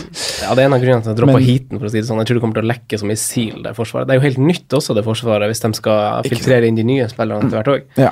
Så jeg ville ikke lagt så Eller man legger noe i det. Man, man ser det, og så tenker man har, har du to, har du både Frazier og Wilson, så ja, det var kanskje litt mye, men man gjør ikke noe nå før neste runde. Man heller se hva de leverer da, og så er jo det da spillere man kan Jeg tror eventuelt fade ut av laget etter det. Mm. Det er runde tre som er litt sur der, med at vi har City.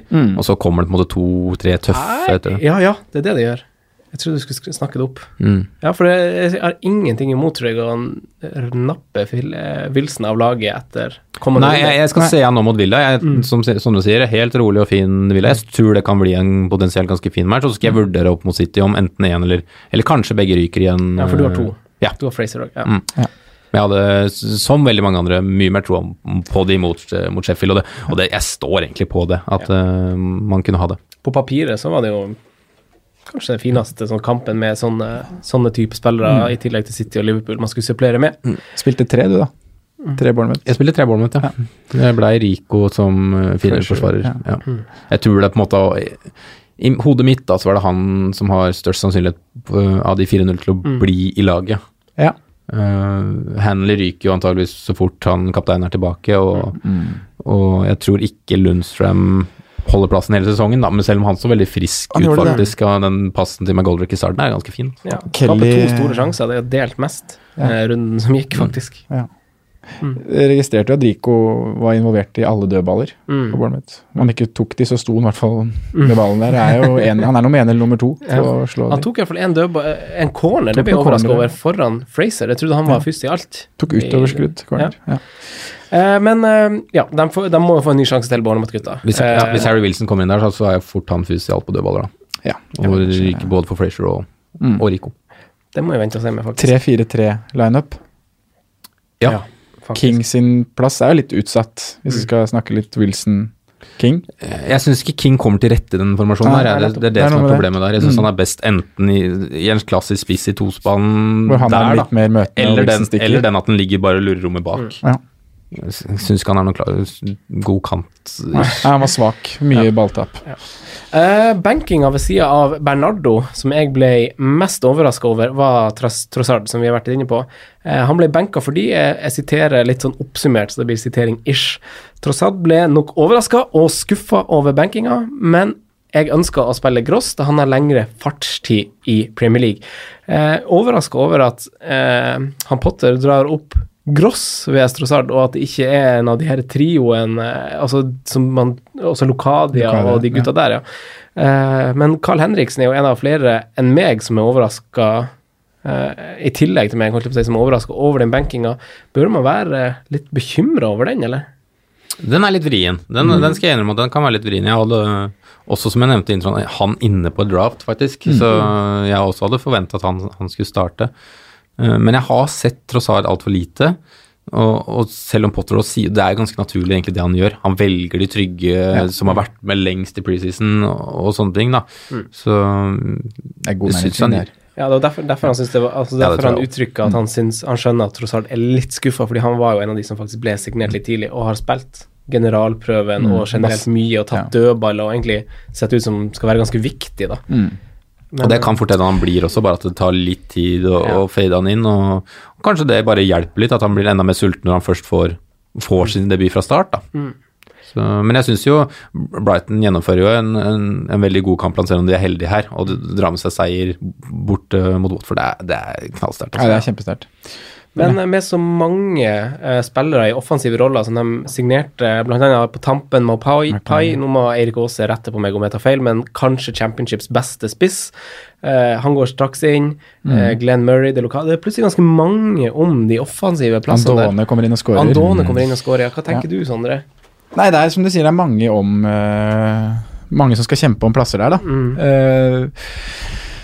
Eh, så nei, Man må bare se liksom om, La det sette seg litt mer. Men Mm. uh, Trossard tror jeg er basert på preseason, Potter sine uttalelser, uh, det lille jeg har sett av han på YouTube, så tror jeg han er inne på laget i løpet av et par kamper. Mm. Uh, men selvfølgelig er det jo Det er ugunstig å ha valgt han fra start på fantasy. Ja. Det, det er kjipt at de som, som velgeren får, får litt, blir straffa for det, for Mm. Ja. jeg syns det egentlig er ganske kult pick. Ja, jeg liker det valget De der er godt. uheldige.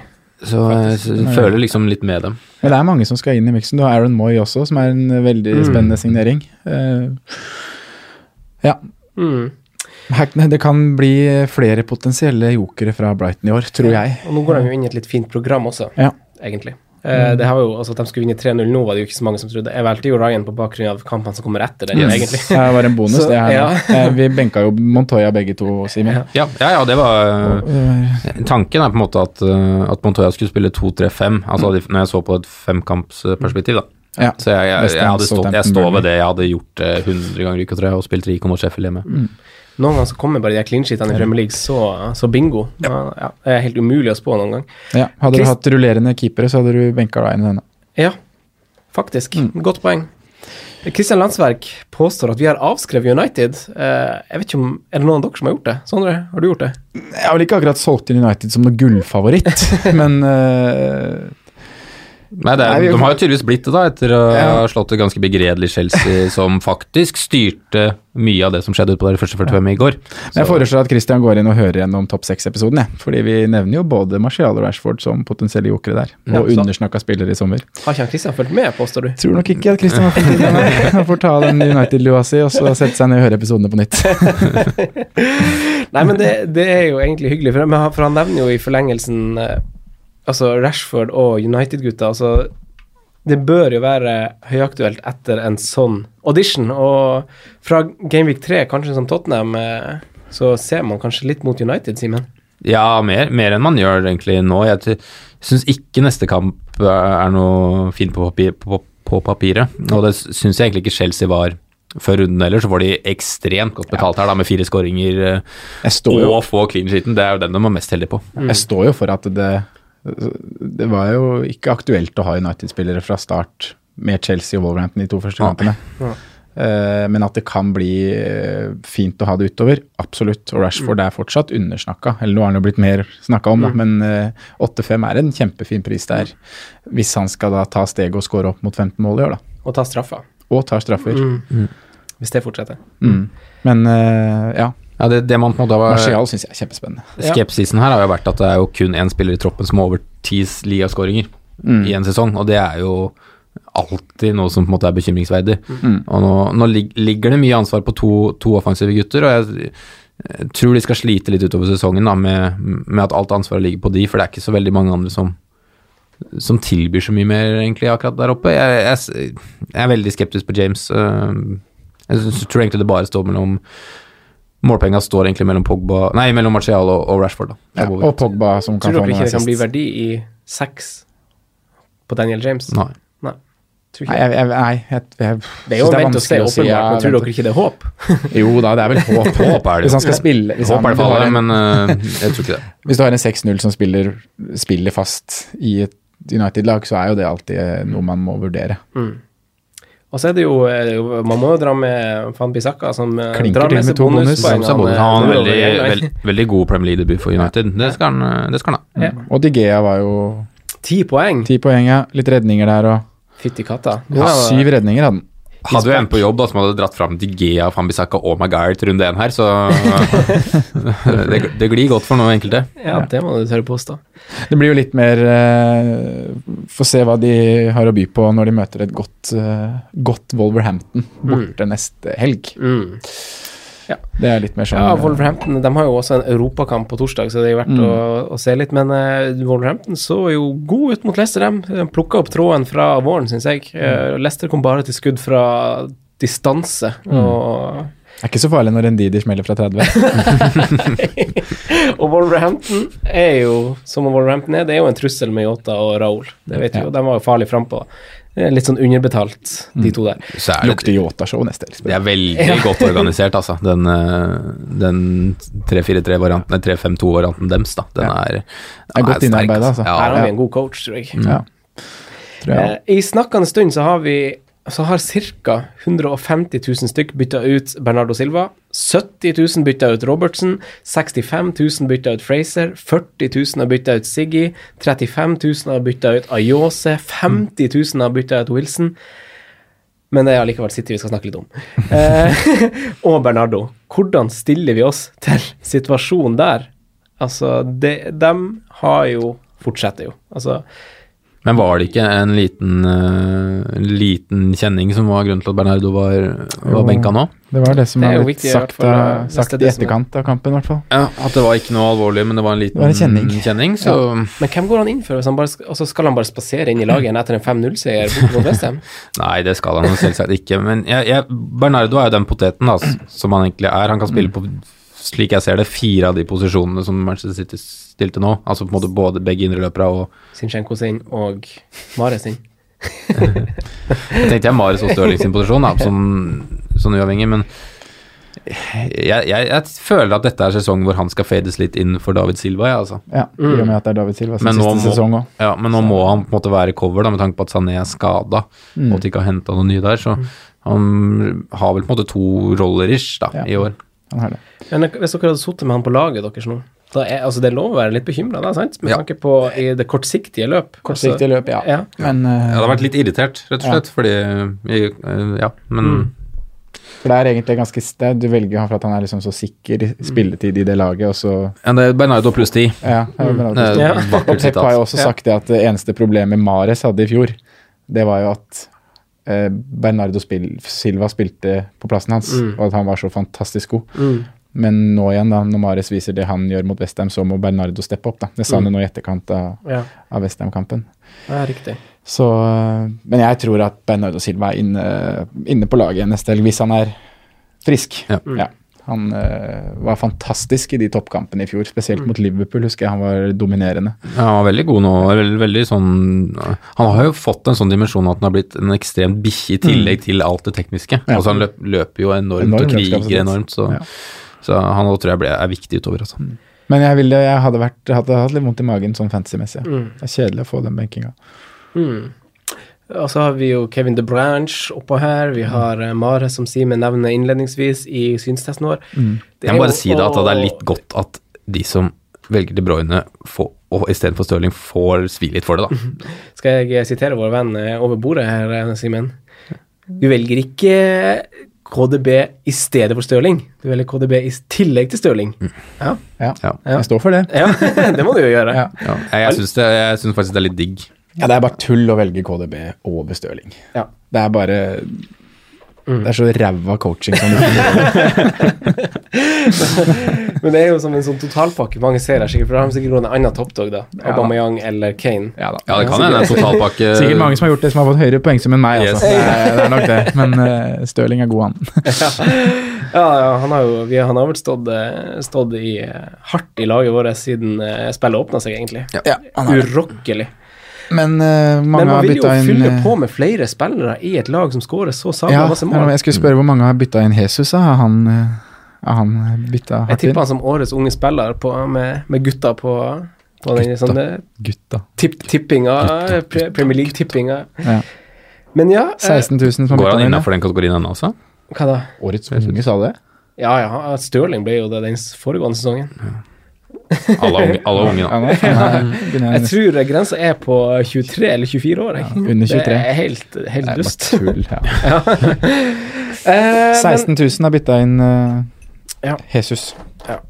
Jeg har jo lyst på flere City-spillere, og som det alltid blir, så blir det sikkert tidlig wildcard også denne sesongen, Mm. og da sveit man jo sikkert mer, rett og slett. Så det haster verken med City United eller noe sånt enda.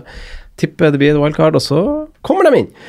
Eh, Alison er- Becker, han, eh, han strakk leggen, han. Eh, og apropos spillere som er bytta masse inn og ut, eh, Ederson er bytta inn 220 000 ganger. Eh, Adrian, det er vel en fin vei inn i LFC bak, uh, eller stiller vi oss bak den reflekterte Petter Ødegaard som nevner at dette kanskje setter en sånn varselstrekant foran den doble Liverpool bak, Simen? Hvordan tenker du totalpakke? Er det Um, jeg er mer skeptisk til å velge Adrian med tanke på at han, hvis han, du tar han inn nå, så må du bytte gjennom altså Det er litt det samme som det er med andre. Da, da skal du ha han i maks åtte uker, og så må du bytte han ut, da. Ja. Uh, Så, men hvis vi har bestemt tidlig wildcard, har alle sånn nå Det er en stund, det, og det er et fint program. Ja, så kan du bare kaste den inn. Men, men uh, ja, om det blir, når det blir dårlig definitivt, selvsagt, alle som backer er kanskje Jeg skal si det, kanskje verdens beste keeper. Mm. Uh, så selvsagt blir Liverpool svekka av det. Mm. Uh, det er ikke noe å diskutere om. Men så får vi se da om de klarer uh, Southampton-kampen håper jeg de klarer å styre, uh, så ikke det har så mye å si der. Arsenal kanskje de blir testa mer med kontringskraft. Hvis de i gang PP, Aubameyang og gutta der, så kan det bli større fare der da, enn mot Southampton neste. Og så Mm. Ja, nei, det er selvsagt en svekkelse, og man, man skal tenke litt på det. Men jeg hadde ikke giddet å ofre noen av de defensive med tanke på at de, de tilbyr fortsatt noe offensivt. Mm. Men bytter, man, bytter du inn Adrian da for 4-5? Altså Hvis man har Becker, bytter du inn Adrian som en straight swap, er det greit? Og så bruker Det er greit hvis du veit at du skal ha skal, ha, skal ta wildcardet før Becker er tilbake. Mm. Ja. Og det er tidligst fire uker, ettersom jeg skjønte rapportene. Fire til åtte uker er vel det som er meldt overalt. Mm. Om dere skulle erstatta Becker, da, hvis dere sitter med han i mål, hvem kjører dere inn da? Da tror jeg faktisk jeg hadde valgt en av de billigløsningene, altså. Mm. Og så hadde jeg da spart litt penger, som Mm. kunne Mm. brukt, man brukte andre steder. Det er 1,5 millioner. hvis man Pope hadde jo en veldig bra audition nå i Game Week 1, da. Mm. Det er mange billigkeepere som hadde det. Altså Ryan hadde jo også det. Mm. Ja. Ja. Og- gå og rett til det. Ederson, eh, rett til Ederson eller Digea er jo også en mulighet. Mm. Ja, Digea kan jo faktisk være en mulighet, da, hvis du ikke ser noen annen, Hvis du har lyst på å bli med på United-toget, da. Ja, Digea er ikke så dum. Da har du jo en litt tøff kamp nå, men så er det jo ganske greit med Palace, Southampton, Leicester og Mm. Westham, de etter det, som kan stå godt fram til wildcard. Mm. Mm. Eh, vi eh, skal ryke inn på spalten vår, vi. Hva tenker dere om det? Det blir bra. Det er morsomt. Det blir gøy. Ok. Mm.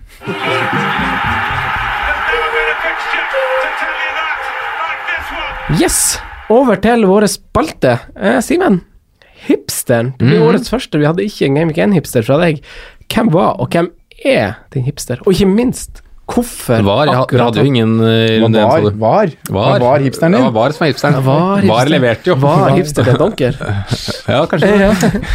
Nei, um, jeg har valgt en som jeg syns så frisk ut da, i, i, i runde én. Som uh, På et lag som dere er litt mer skeptiske enn en jeg er. Jeg har troa på Norwich. Jeg tror de klarer seg Ah, ganske, ganske greit. Og jeg har da gått ned i midtbaneleddet, da.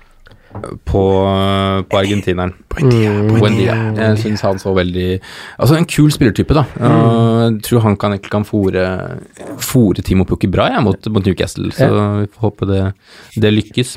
Og det var en kul historie da, som jeg fikk av Vikstad i forrige ukes i- Ynta, at når Norwich sendte speider på Buendia, så var speiderrapporten at du hadde en tjukk spiller med mye temperament. er det sant? Um, ja, det er en kul fun fact. Men eh, ja, Buendia. Mm, jeg tror det. Finn den. Eh, på perrongen, spillere som leverte runden som gikk, eh, og eller eventuelt populære spillere inn, har jeg lagt til. Spillere som er blitt veldig populære på byttemarkedet, eller transfer inn-markedet. Eh, eh, jeg kommer til å nevne noe nå. Jeg syns det var litt vanskelig å plukke siden det bare var én runde, men så jeg valgte litt sånn populære valg, egentlig. Eh, Jeg må være ærlig innrømme. For den første er en Dombelé til 6,0. Veldig mye bytta inn nå i starten. Eh, er det jeg eller nei? Altså Burde folk styre unna? Bytte han inn, eller? Nei takk. Det er nei, Matt. Nei, Nei, mat, ja. Origi, da, Simen? Dessverre nei, mat. Dessverre. Mhm. De var ikke fine, han. Mm. Sondre? Nei, nei. Antony Marcial. Ikke ennå. 7,5. Midtbanespiller, står han sånn der. La det gå en runde, da. Mm. La det gå en runde, da. Så ser du Men han spiller jo på topp. Ja, nå har jeg glemt å svare, men jeg svarer jo faktisk det samme som dere på Ja, men ja. Ja, du har ikke svart på Origi, for der er du litt Ja, jeg sier nei der. ja. uh, Sistemann, da, er jo uh, Hurricane Irma. Ja, ja, altså jeg kan ikke si nei på han, jeg må si ja. Men øhm, Ofrer jeg hadde også ikke stressa med runden her, da, men jeg, jeg, jeg, jeg sier jo ja. Mm. Har du muligheten til å gjøre det i en straight swap? Ja, så har, har du Aguero, så går det er det ikke helt ja. tror jeg, Mm, tenker ja. jeg liksom. Men Går han over Aubameyang- går han over Aubameyang mot Burnley? Nei, det gjør ikke det. Ja, hvis, du, hvis du legger på runden etter der, da, Mm. så kanskje. For Ja, da er det Spurs hjemme mot Newcastle. Liverpool, ja, Ja. med Adrian i mål. Kjør i går. Adrian! Adrian. Eh, Kan jeg legge til en på per- perrongen? ja. McGinn. Ja. Jeg sier Ja, for det er et program der som kanskje appellerer litt, Mm. Og i en enabler-rolle. Bra med målpoeng i fjor òg, vet du, i championship. Jeg er glad i en enabler-rolle. Mm. Du, du liker det. Ja, jeg gjør det. Uh, McGinn 5-5. Ja, ok, jeg blir med. Er du med? Ja. Ai, ai, ai, det er stort av deg. Ah, jeg sier nei, uh, men uh, Ok. Ja. ok. okay. okay. Skal, skal du si du, Sondre? Nei, jeg, jeg liker det. ja, men du må si ja eller nei. Ja. Ja, ikke sånn politikersvar. Eh, forsvarer til maks fem. Eh, hvordan forsvarer mener dere skårer best den kommende runden til prisen fem? Fem eller ned, Fem Sånn. eller ned, ja. Siven? Eh, jeg For var, der er det lov at den koster fem blank, sant? Det er jo det vi har pleid å ha. ja, ja, maks. Ja, ja, Ja. Eh, jeg velger Max Aarons i Norwich. Siden eh, Newcastle ikke klarer å score mot Arsenal, så klarer de vel heller ikke å score mot Norwich. Han prøver seg. Han prøver seg. Ja, han prøver seg. Skal du bare la han sitte og holde på sånn? Skal du bare la han sitte og holde på sånn? Han har, jo, han har jo god grunn til det, det er jo det som er greia. Ja. Altså, Jeg har jo lite å slå tilbake med annet enn at jeg har Kan si blanke ark, da. Jeg har blanke, Si- blanke ark. Ja, det er jo blanke ark. og jeg har, jo, jeg har jo trua på et bedre clean sheet-år på Arsenal sine vegne, men eh, han Simen har en god sak, lite kan jeg si der. Han har det. Ja. Eh, hva, hva sier du, Sondre? Nei, det er jo litt dust at jeg har Arsenal-forsvarer som sikreste clean sheet, da. Mm. Jeg har det. Chambers. Ja. mm. Burnley skårer jo ikke. Arsenal to clean sheets på, på to runder, to første runder. Ja. Jeg, har, da, jeg, jeg skjønte jo at du kom til For du spurte jo meg om han spiller til helga òg. Ja. så så jeg, jeg tok jo bare for å viske ut Chambers, så tok jeg Maitland Niles i stedet. Ja. Ja. Jeg siste Ja, bonus nå i tillegg. Ja, han er et bedre valg hvis Ja, du skal bare tenke neste runde. Ja. Ja, han er ganske bra. Han må være på rundens lag, som vi poster på Instagram, sikkert. Ja, Simen, du tar det. Simen som poster. Det er jeg som skal rundens lag nå. Åh, jeg gleder meg. Nei, vet du hva, da blir det jævla Blir det Bundi- Max Aarons, Pukki Bundia. Kjør i går! Ja, det skal bli, det skal bli litt hipsterpreg når jeg får rundens lag. Altså, jeg skal love det. Ja, ja, men det det er det som er greia med rundens lag. Altså, det skal kunne begrunnes av den personen som setter opp. Det skal være subjektivt. Sånn Montoya må med. Montoya må med. Ha Ja. nydelig audition. Nydelig audition. Ja. Mm. ja det var faktisk det. Eh, vi skal snakke litt om koptein kaptein... Kaptein. Ja, jeg skulle bla- blanda liksom Tenkte litt sånn for langt fram i tid at jeg skulle fylle på koppen, og så Og skulle integrere kapteinen Kaptein. snakke. Men vi skal snakke litt om kaptein etter vi fyller litt på koppen. Ja. Ja.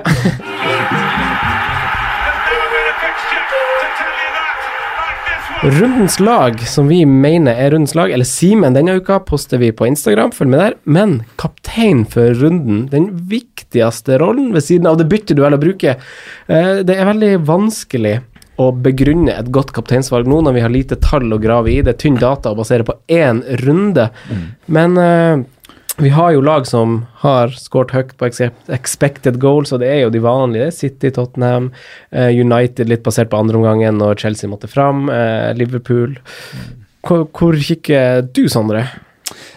Eh, nei, jeg har, jeg har skrevet ned tre, tre navn, da. Og det, to av de har jeg på laget. Det er, det er Salah og Stirling. Mm. så er det kanskje han jeg ikke har, som jeg ser på som det aller beste kapteinsvalget, og som jeg hadde kapteina hvis jeg hadde han, og det er Aubameyang hjemme mot, eh, hjemme mot Burnley.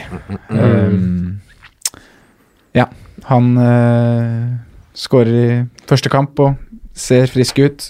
Hva syns du om skåringa hans i første kamp? Eh, det var den tuppen keeper kommer ut, og så tupper akkurat Ja. forbi. Ja, Du Ja. skrøt jo litt av bevegelsen hans, skjønner du. Ja, Ja. men det var ikke på målet. Jeg skrøt av bevegelsen hans på eller På pasningen til Mikki der. Mkhitaryan. Ja, ja, den der han bommer på volleyen der. Ja, han skyter med venstre. Han et viser jo stor kånes calmness og en god avsluttertendenser der. Da. Så Ja. helt rolig. Ikke noe stress, bare legge fram foten, doff, så er det skåring. Så han har det jo i seg. Uh, og skal han fortsette å dyrkes helt foran der, så er det noe annet enn i hva det var i fjor. Da kommer han til å være mer inne på fantasy-laget òg. Han kommer til å spille litt på kanten òg. Dessverre, for fantasy manager så gjør han det. Mm. Men han er jo like, han, han skårte jo masse i preseason allikevel, for han er Han dukker liksom opp. Litt sånn ut av det blå, så er han i boks. Litt sånn som dere to var inne på før vi trakk til rekk, at han er Altså bevegelsene hans er Han er en født målskårer, da. ja.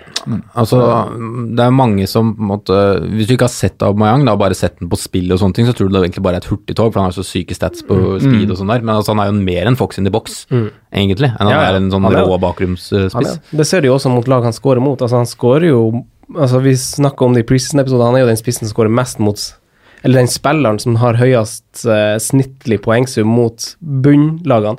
Ja. Og bunnlagene vet Det er vi, jo- det er jo dem som skal være kompakt. Det er jo gull for fancy, da. For og det taler jo veldig lag. for Aubameyang nå også, når Burnley kom på besøk. Ja, ja. Ja, og det taler jo veldig for å ha han på fancy også, for han er da forholdsvis lett å kapteine. For du velger jo et lag, et godt lag som har en fin kamp i neste runde, Ja. stort sett. Trenger ikke så mye rom. han. Men uh, Burnley var jo så ut som Burnley uh, igjen, da. La seg ned, slapp til lite. Bang, bang, Ashley Barnes. skårte Ja. tre, det var der han brøyt litt med tradisjonen. Ja, faktisk. Det var to mer enn hva det skal være. Eh, men vi vet jo veldig hva som kommer. Hva Arsenal møter, da. Ja. Så man tror vel at de kommer til å bryte det ned. Mm. Ja. Ja, Tottenham og Arsenal slet jo veldig, husker jeg, uh, on the, from the top of my head i fjor. Jeg tror det var flere lag som gjorde eller- Eller i forrige sesong. Uh, Men andre alternativ altså Mange har jo uh, altså ja, Når man ser på en sånn rotasjon, så er det jo mange som har sikta seg ut uh, Sala. Sala Stirling. På grunn av Southampton. Og ja, den Ja, men, den- av Sedan, Og så er det mange som har Altså da har man Da er det Southampton, Sala man kikker til nå. Men hvis vi ser litt på prestasjoner sånn, er det fortsatt sånn at, det, at man følger den slavisk? Altså, vi ser Stirling skåre en hat trick, Mm. brennheit. Sala kanskje litt mer anonym, selv om han Mm. leverer, eller Simen? Det som er litt fint og litt dumt egentlig for Mohammed Salah, er jo at han har en kamp nå på onsdag. Hvor det går an å se om han fortsatt er For jeg syns han var veldig pigg mot City. Mm. Syns også han var relativt pigg nå, men kanskje forventa bitte litt mer sånn involvement. Mm. Uh, og da får du på en måte en ny test til å se han før, før runden. Mm. Det er Altså, fint, at, ja, fint at man får se, men så er det synd at han har kamp. ja, for mm. det, er ikke i England heller, den er i Istanbul. Istanbul. Ja. Så, så vi får se litt der. Men akkurat nå, i skrivende stund, så har jeg Raheem Sterling, faktisk. For han var jo gud bedre. Til tross for at det er mot Tottenham. Ja, Mm. gud bedre Mot for en Kyle. Walker Peters på sida der. Ja, Kartongen borte, ingen vet hva som skjer. Nei. Det er litt rør i Tottenham. Det, altså, det, det er litt sånn eh, ting man ikke vet som skjer Og bak det- kulissene der. Og det, det lyktes jo ikke før de egentlig fikk på, fikk på Eriksen. Eriksen. Nei, nei. En ganske god artikkel på, Article, nei, på Athletic på, om akkurat det der. Mm, hvor de hadde, hadde vel 19 skudd på de siste 24 minuttene med han på banen. Mm, Så, Det stor forskjell. så ja, jeg tror, jeg tror City tar den ganske komfortabelt, det, egentlig. Mm. For lenge siden så hadde jeg egentlig sett for meg at eh, her kan Spurs stjele poeng etter hva, de, hva vi så i Champions League i fjor, men jeg er ikke så imponert av det Spurs leverte i, i første omgang. veldig uorganisert ut bakover, Spurs. Defensivt. Og spesielt med Danny Rose, som var helt ute og sykla i flere Men er ikke også da Vincent Chances litt mer sånn utsatt hvis vi skal spille med firebacks? Jeg føler han er litt mer har det tryggere i treer? Han er full, eh, jeg full han har, på dekk. jeg føler han har det litt av det Mamadou Sako-genet, hvis du forstår hva jeg mener. Ja. Altså, kan, være enorm, kan være enorm, men så ser det så rart ut iblant. Da. Ja, jeg er helt enig. Altså, jeg blir ikke overraska om han lager noe straffespark, og det, da er det liksom bare Det er så typisk at det er han. Det er selvfølgelig er det Ja. Davinson Sanchez som uh, Klassisk kokosstøtte. ja. Men jeg er enig med Sondre. Altså, hadde jeg hatt Aubameyang, så hadde jeg tror jeg Det hadde er kaptein jo han. det åpenbart beste valget. Ja. Ser man på picture, ser man på se hans sin på form. de som ikke har det. Ja, og da er det for meg, som ikke har Aubameyang, så står det der liksom 50-50 mellom Salah og Stirling akkurat nå. Hva hadde du på Finnmark? uh, så, men uh, jeg er ikke jeg, Men så er det det å kapteine vil- i første kampen òg, er ikke det som er Det gikk bra denne gangen, da. Ja, ja det gjorde Ja, det. se her, ja. Arsenal-Burnley i første kampene. Det gikk jo bra, men altså alle andre bort, Alle andre toppdogs hadde kunnet gå bedre hvis du hadde venta. Ja. ja. Men uh, man må legge litt bort at uh, City det er, Man blir nok litt sånn Bare hold over at det står Spurs. Mm. City har hjemmekamp. ja, Og ta historikken til eh, Tottenham. Den har ikke vært noe bra defensivt, den statistikken deres egentlig i vår heller. Nei. Den ble betydelig svekka av, en eller- av ulike årsaker, tror jeg. Så bare var det et eller annet som har, som har skjedd der. Så City kommer jo til å skåre mot Tottenham. Klart de gjør det. Jeg, jeg har troa på han der de kjøpte Lo Celso utover, Mm. men hvis de nå skal miste Eriksen, og kanskje ta litt tid før Lo Celso blir varm i trøya og sånne ting, så, så er det å miste Eriksen et kjempetap for Tottenham. Absolutt. Og sånn er vel ikke tilbake før tre? Fire? Tre. Tre? Southampton eh, Ja, vi snakka litt om Sala, men eh, Southampton borte er jo ikke noe Det er ikke noe enkel kamp, det heller. Nei, kontringsstyrke der. Ja, og de skal jo også revansjere 3-0-tap for, eh, for Burnley. Men det er jo et lag Vant som vel komfortabelt her i fjor, da, Ja. med, med en 2-0. Mm. ja, i hvert fall to. Jeg husker to skåringer. De er så dårlige på hjemmebane, Southampton. Ja, og så har de jo nå en spillestil også som er mye mer offensiv. Mm. de slipper jo litt mer 3-1 ble det nå. 2-0 var året før der, da. 3-1. Det var da Henderson skåret på slutten, da ble Keita ja. Jeg stoler ikke på deg når det gjelder Liverpool. Du er ikke så veldig oppdatert ja. der. Nei, jeg er ikke så oppdatert der. Det, det går dårlig om dagen der, ja. Deilig med folk som er ærlige. Ja. Eh, er det noe mer å si? Vi vet at mandag er blitt vår fest... fest Fast! Voldsomt til krøll på tunga. Ja. i dag. Ja, men det er jo det er sånn jeg er. Blir ivrig. Det er fin start i dag. Kafé og pod, det er jo perfekt. Fast innspillingsdag. Så det er, jo, det er jo verdt å vite for dem som hører på. Og vi vet jo at folk har slutta å høre på nå, men for dem som fortsatt hører på, så, så, Ja, er, det ganger, så er det jo noen ganger en mandagskamp Ja. som vi kommer til å snakke før den er blitt spilt. Ja, Det er bare sånn det må bli. Ja. Det er uh, Folk har jobb. Ja. ok, men tusen takk for at dere kom, gutta. Det ble en koselig episode og en koselig dag, eh, følte jeg. For oss ble dette som å sparke i gang sesongen ordentlig. Ja, det ble det. Ja. Og nå er det bare å klatre. Nå er det 1,2 millioner overall her. Ja, samme på meg. Og nå blir det jo bare grønne piler utover. Ja da. Ai, ai, Takk for i dag. ai. Takk for i dag. Ha det. Takk for at du hørte på vår podkast. Vi setter stor pris på om du følger oss på Twitter, Instagram og Facebook. Vi er fans i rådet på alle mulige plattformer. Moderne media. Ukens annonsør er Folio, en smartere banktjeneste for deg som har en egen bedrift eller ønsker å starte for deg selv. Folio er en superenkel nettbank for bedrifter. Som kunde i Folio får du en bedriftskonto med et bedriftskort og app. I denne appen er det smarte løsninger som forenkler regnskapet ditt, uansett om du har en liten bedrift eller et enkeltpersonsforetak. Folio er både intuitivt og brukervennlig, og er laget med et enkelt språk. I tillegg tilbyr de forutsigbare priser og ingen skjulte gebyrer. Skulle du likevel trenge det, så kan du snakke med deres raske og hyggelige kundeservice, og der får du prate med en faktisk person og ikke en chatbot. Folio er med andre ord både enklere og koseligere enn banken.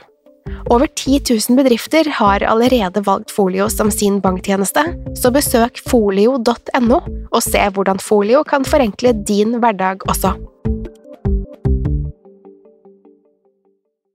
Har du et enkeltpersonforetak eller en liten bedrift? Da er du sikkert lei av å høre meg snakke om hvor enkelt det er med kvitteringer og bilag i fiken, så vi eh, gir oss her, vi. Fordi vi liker enkelt. Fiken superenkelt regnskap.